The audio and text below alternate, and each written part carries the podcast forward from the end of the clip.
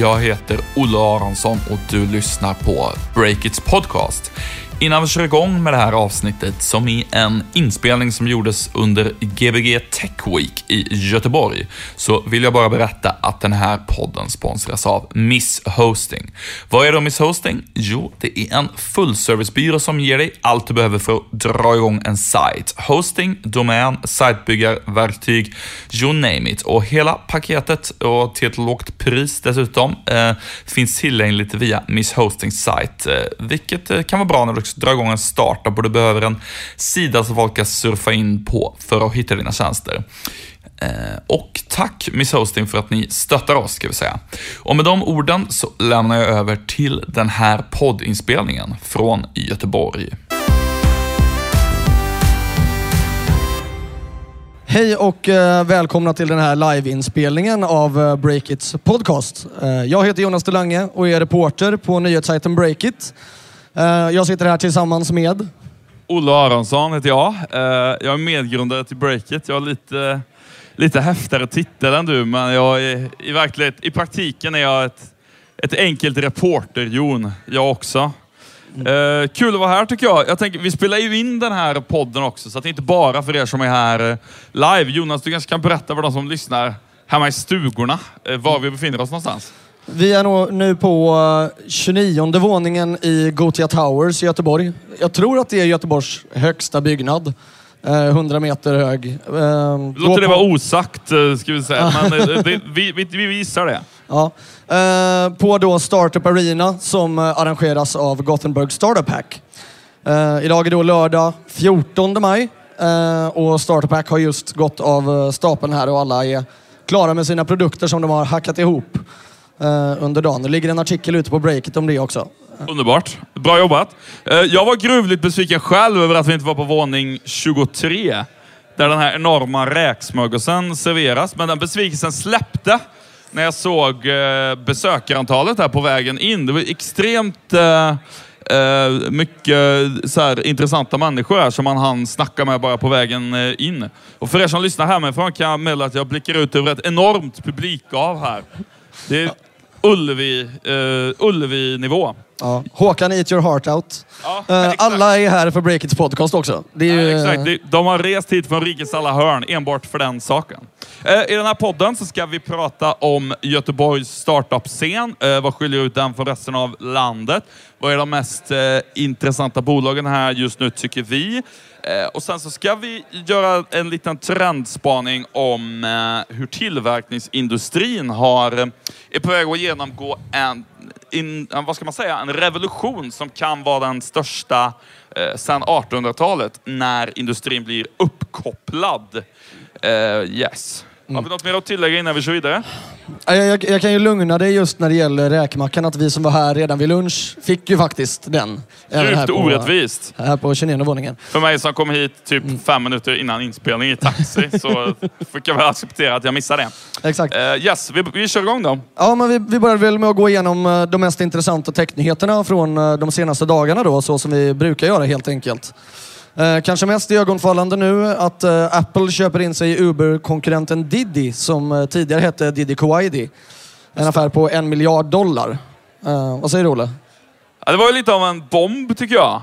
Uh, hur reagerade du när du såg nyheten? Jag själv blev lite så här jag, jag trodde att det var ett annat företag om jag ska vara helt ärlig. Jag tänkte att det här är något Diddy som jag inte känner till. Jag hade extremt svårt att tro att de skulle investera i det. Du kopplade inte att de liksom... Ja.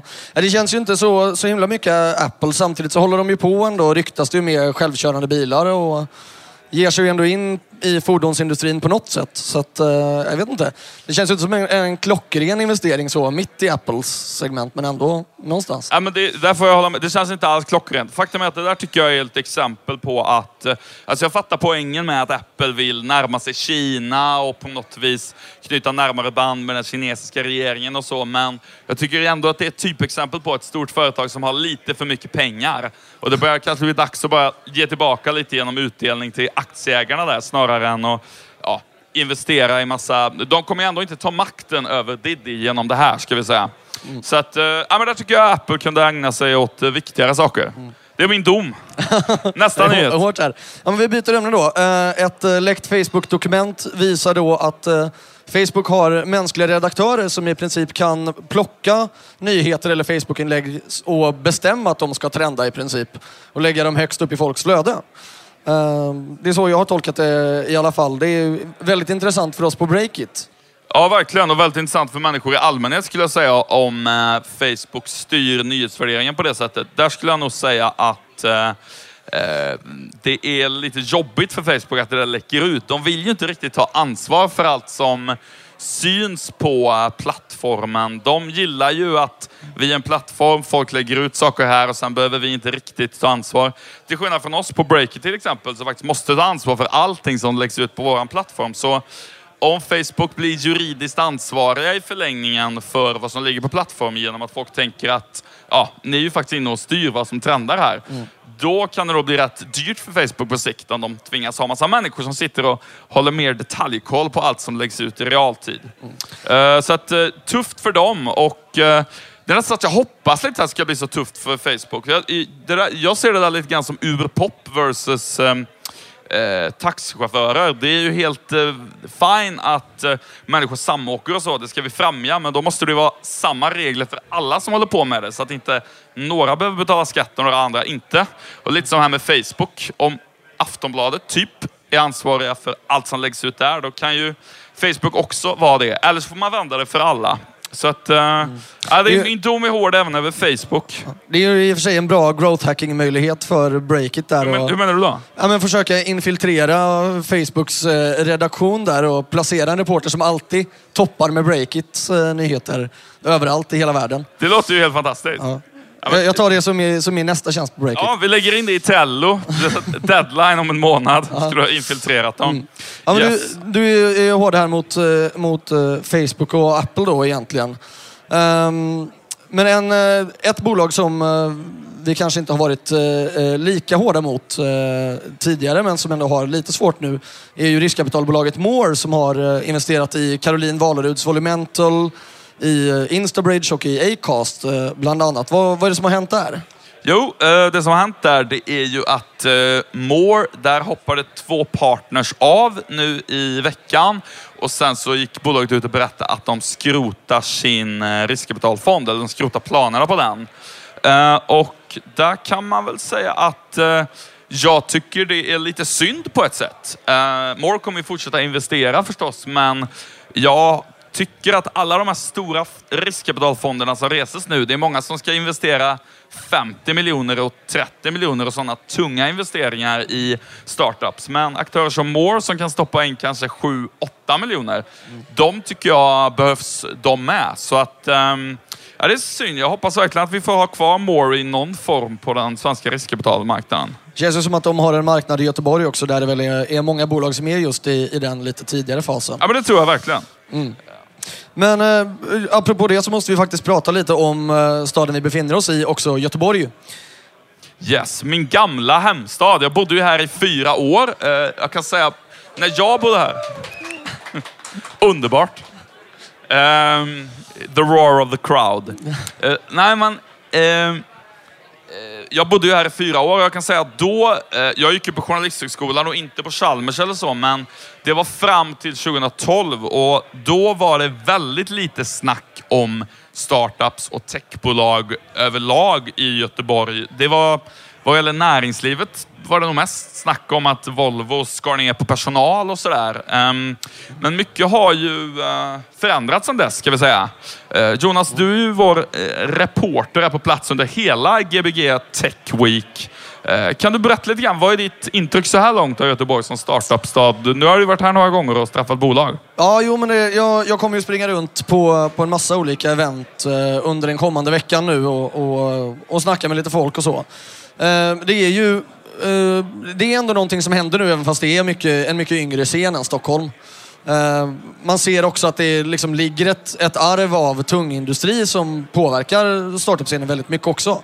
Det framstår i alla fall för mig som att det är ett helt annat fokus på lönsamhet även i väldigt tidiga skeden hos eh, Göteborgs startups. Låter i och för sig inte helt negativt. Nej, det, är ju, eh, det ligger ju lite i tiden generellt också när man börjar prata om att eh, unicornen är död och det är tid för rabbits eller cockroaches eller vad man vill kalla dem. Liksom bolag som ändå går runt och klarar sig även i, i lite sämre tider.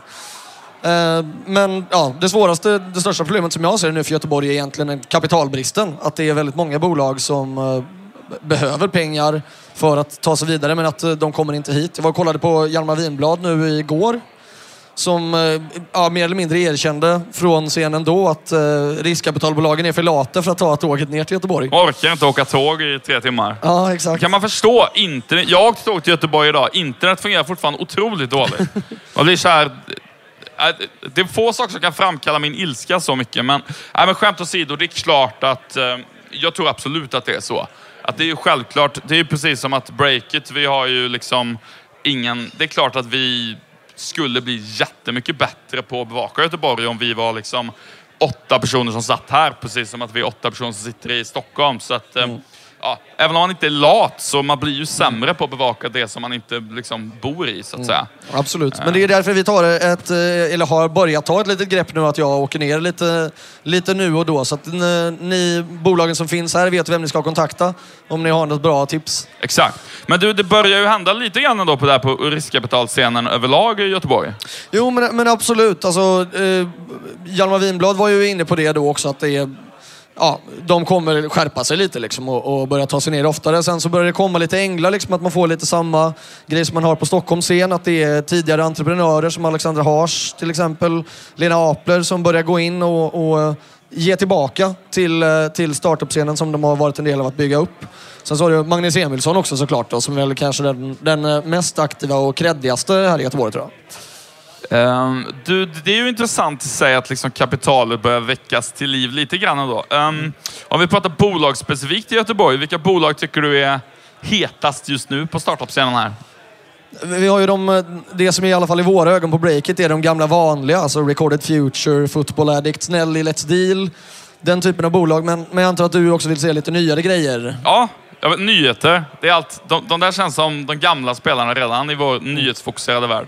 Vilka, är liksom, vilka är de nya på gång, om man säger så? Men Ett, ett bolag som har faktiskt har skrivit om eh, en gång tidigare när de eh, fick in lite kapital just från Magnus Emilsson då, som vi nämnde är, är bolaget Bitcall.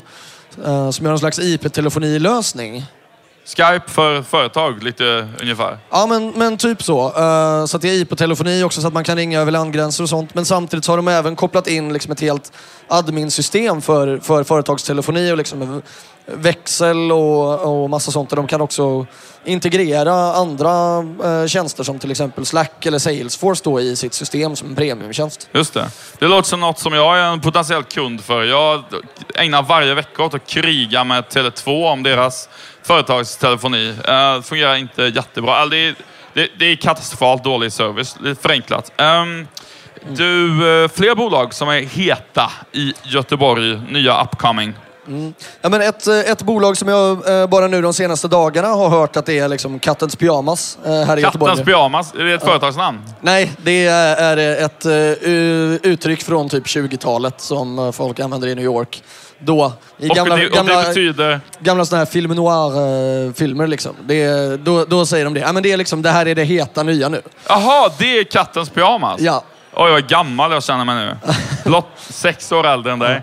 Men det- Okej, det här vilket är- bolag är det som är, som är The Cat's Pyjamas då? Ja, det är då Bokio. eh, som... eh, är ni här nu? Ja. Eh, som då alltså tydligen växer med flera procent per dag. På, på Chalmers Ventures hemsida uppges att de växer med mer än 10 procent i veckan i antalet användare då. Och vad, vad gör de för någonting?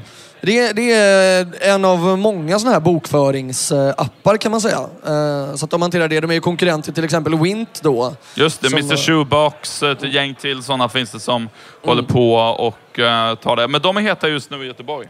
Ja, eh, alltså tjänsten i sig är ju gratis. Att de ligger fortfarande inte riktigt där att de börjar tjäna pengar så. Men, men de, eh, enligt uppgift så tittar de då på olika modeller för att eh, eh, få igång intäktsflödet också. Eh, och klarat sig mer eller mindre utan riskkapital nu. Sitter ju på Chalmers då. Men. Det är det nya heta nu, att klara sig utan riskkapital kan man säga, när det börjar bli lite svårare att få in det. Eh, du får säga ett tredje bolag då, eh, som är ett, ett hett Göteborgsbolag just nu. Ja, ja, men ett, ett bolag som är rätt coolt. De har i och för sig funnits ett tag, men Lumen Radio, som ju också är starkt närvarande här på Gbg Starter Pack. Eh, som gör då, eh, det bygger tydligen på Chalmersforskning, det är eh, väldigt stabil radiokommunikation. Eh, började med ljusanläggningar för, alltså ljusshower för typ konserter och sånt. Ah, det är alltså... Det är det här, det är det här eh, vad är det jag kallar det för? Black Eyed Peas-företaget. Ja, exakt. Ja. Nej. De har tydligen då styrt ljuset åt Black Eyed Peas på deras eh, Ja. stora turnéer. Men har sen... E- Enligt Jonas källor djupt i eh, den amerikanska rb industrin så förhåller det sig på det här sättet. Exakt så. Det Exakt. läcker som ett såll i Black Eyed Peas eh, crew till Breakit. Ja. Ehm, men de gör, de gör helt enkelt så att man slipper koppla in massa sladdar.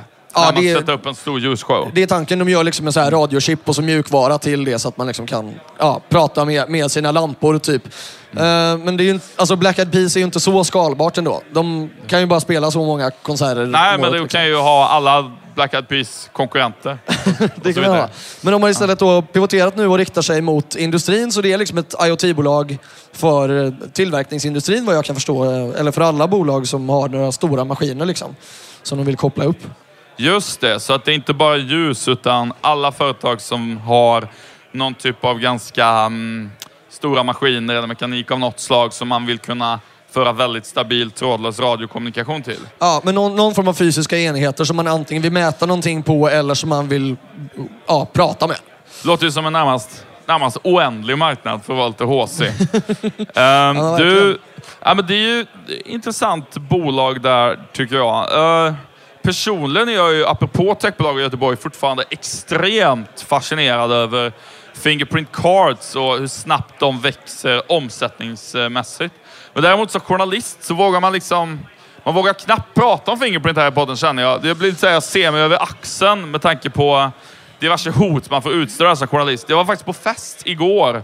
Ehm, och då berättade en kompis till mig att han hade varit på stan och sett en kille som hade en t-shirt där det stod Fuck God, I believe in Fingerprint. Sen var det en bild bak på t-shirten eh, där det var, stod Finn fem fel och så var det en bild på fem personer. Det var Claes Hemberg på Avanza och så var det tre journalister och den femte personen var jag. Jag känner att det finns en hotbild mot mig här nu från Fingerprint, ord. vi, får, vi, får fingerprint skaffa, vi får skaffa en säkerhetsavdelning på Breakit. Vi tar en kort stunds paus i livepodden för att berätta att vi denna vecka sponsras av Forefront Consulting, eh, det entreprenörsdrivna IT-konsultbolaget som nu har över 200 anställda som hjälper företag med att stöpa om sina organisationer och bli mer digitala.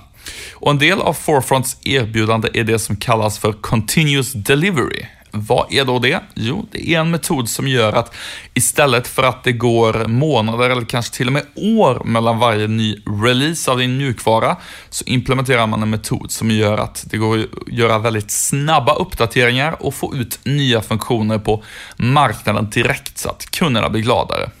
Och vill du veta mer om Forefront Consulting generellt eller deras erbjudanden inom Continuous Delivery så kan du skicka ett mail till breakit ffcg.se Alltså breakit ffcg.se Tack Forefront för att ni sponsrar oss nu. Tillbaka till Göteborg. Ska vi, ska vi gå vidare? Ja, men jag- on, on a more serious note.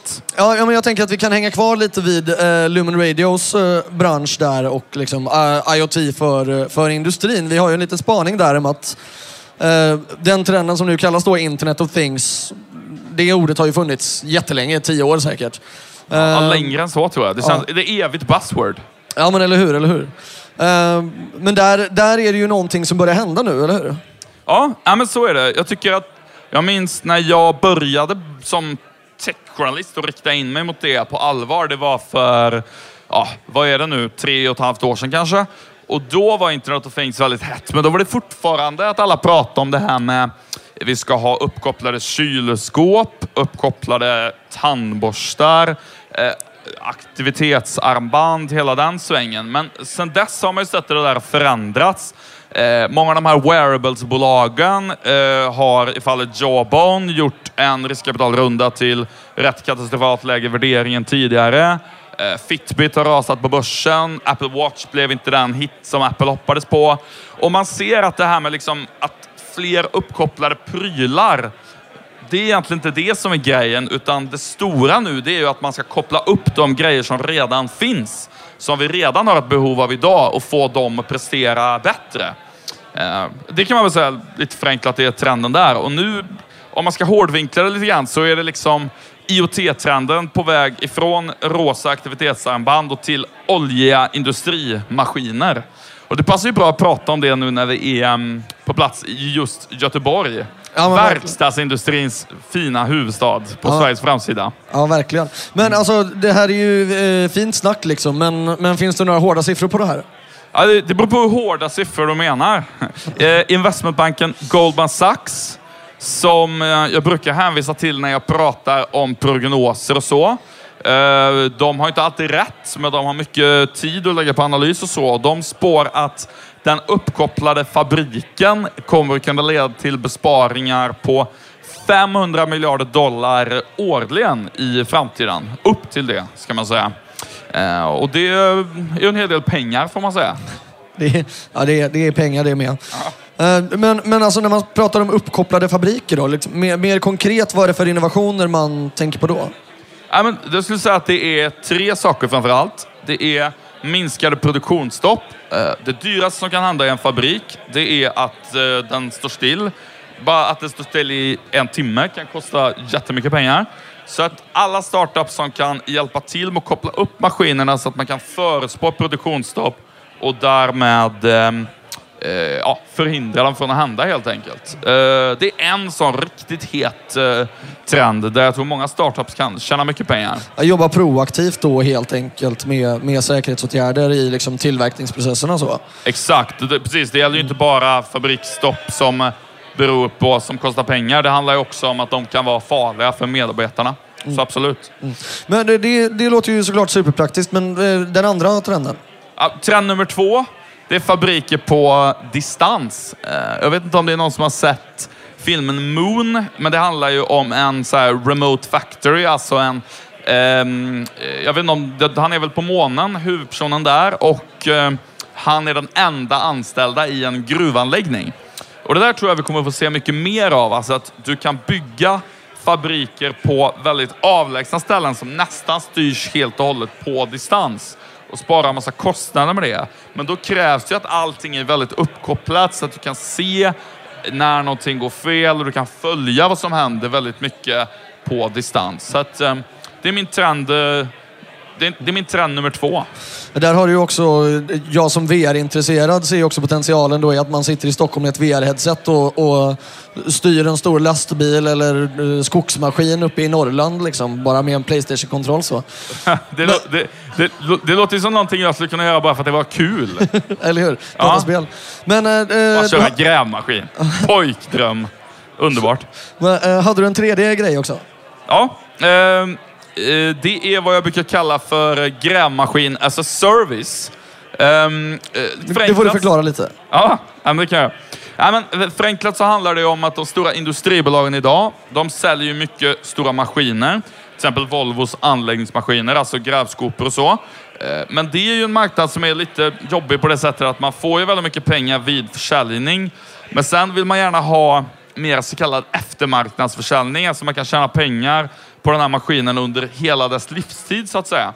Och där tror jag att digitala innovationer kan komma in på ett väldigt bra sätt. Att om du kan koppla upp den här grävmaskinen så att Volvo med hjälp av någon startup kanske kan se exakt hur grävmaskinen mår, när någon del kanske behöver bytas ut och så vidare.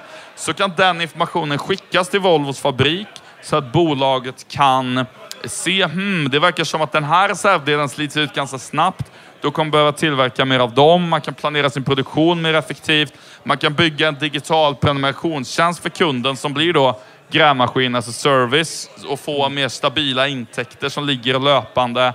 Eh, Och det där tror jag, det är ju redan på väg att bli stort, men det är många industribolag som inte har kommit så långt med det än. Och jag tror att de kommer behöva hjälp av startups som på ett smart sätt kan hantera de där sensorerna, bygga själva plattformen för att övervaka till exempel en fordonsflotta. Ehm, ja, så Men, men att, grä- att startup ska liksom hjälpa till med att skapa intäkter för större bolag helt enkelt. Ja. Ja. Precis. Just det. Och hjälpa till att koppla upp de större bolagens eh, dumma maskiner så att de blir smarta maskiner. Jag gör citattecken i luften här nu för er som eh, lyssnar hemifrån. Eh, yes, och sen finns det ju ett bolag som jag hajar till väldigt mycket när du berättar om på redaktionen. Eh, ett timmertechbolag från, från Linköping. Vi ska komma in lite grann på mer specifika exempel på svenska startups som, eh, som redan gör det här. Eller hur? Ja, just det. Ja, men, eh, just Sind, där får vi, eh, Sind heter det här Linköpingsbolaget då som... Eh, liten brasklapp där bara. Det är ju egentligen inte så här IoT på det sättet utan det är mer digitalisering av tung industri. De har då alltså använt gammal missilteknik från Saab för att eh, med 3D-bilder m- jättenoggrant mäta timmerstockar och hur stora de är liksom, och hur mycket ja, trä det är i en stock. Så. Det är ju något annat än ett träningsarmband. De har verkligen hittat ett konkret problem. Ja men verkligen, verkligen. Och de eh, fick ju in beställningar innan de ens hade startat själva aktiebolaget så. Har du fler exempel på någon um, industrirelaterad eh, Internet of Things startup som du tycker liksom redan är på den här trenden som vi pratar om? Ja, men, men det finns ju eh, Lumen eh, här i Göteborg då. Just det. Det finns även ett bolag här i stan som heter Combridge. Jag tror i alla fall att de sitter här i Göteborg. Som också riktar sig då mot, eh, mot industrin liksom med en IoT-lösning. Eh, I Stockholm så har du bland annat Evo Things då, som gör en eh, open source-plattform som ska göra det lättare för andra personer att göra IoT-appar liksom, till sina uppkopplade prylar. Så. Just det. Det blir som en plattform liksom för alla som vill bygga sånt här. Ja. Själv tänker jag ju på Odin Technologies som ju har tagit in riskkapital från Equity Ventures. Uh, Willem Sundblad heter den entreprenören och han har ju byggt precis det här som jag pratade om. Ett sorts digitalt övervakningssystem som känner av när produktionsstörningar eller produktionsstopp är på gång. Uh, han kommer säkert bli rik på den eh, innovationen kan man tänka sig. Ver verkligen. Man kan, ju, man kan ju bara gissa att till exempel Tesla då, som redan nu med sin nuvarande produktion har svårt att liksom möta efterfrågan på marknaden. Att de verkligen behöver hålla sina maskiner igång 24-7 liksom. På ett övergripande plan så, ja, om vi ska summera vår trendspaning här så får vi säga att det finns enorma pengar att göra här för sugna entreprenörer som Eh, vill koppla upp den tunga verkstadsindustrin. För de, här, liksom, de gamla verkstadsbolagen, de har inte så mycket organisk tillväxt utan de behöver liksom hjälp för att gneta ner kostnader och effektivisera. Det är liksom enda sättet de kan få upp eh, vinsterna på. Ehm, så där tror jag att de är tacksamma för all hjälp de kan få faktiskt. Ja. Och där är det ju guldläge i Göteborg också där du har de här gamla stora bolagen som onekligen behöver hjälp med det här och de är, bor granne med alla startups här i stan i princip. Liksom. Det är bara att åka ut till eh, Torslanda och knacka på dörren hos Volvo. Liksom. Ja, men vi kan väl avrunda där att vi spår en liten guldålder för startupindustrin i Göteborg av flera olika skäl. Både att bolagen är mer vana vid att klara sig utan riskkapital, att det finns mycket möjlighet att koppla upp fabriker och sen överlag förstås att det finns ett stort tekniskt kunnande, inte minst centrerat kring eh, Chalmers. Verkligen. Ska vi säga så? Ja, Då rundar vi av. Vi ska väl eh, tacka Göteborg Startup Hack och eh, Startup ja, Arena. Startup Arena också för att vi vill komma hit. Ha en trevlig kväll. Vi ses i baren. God afton. Tack.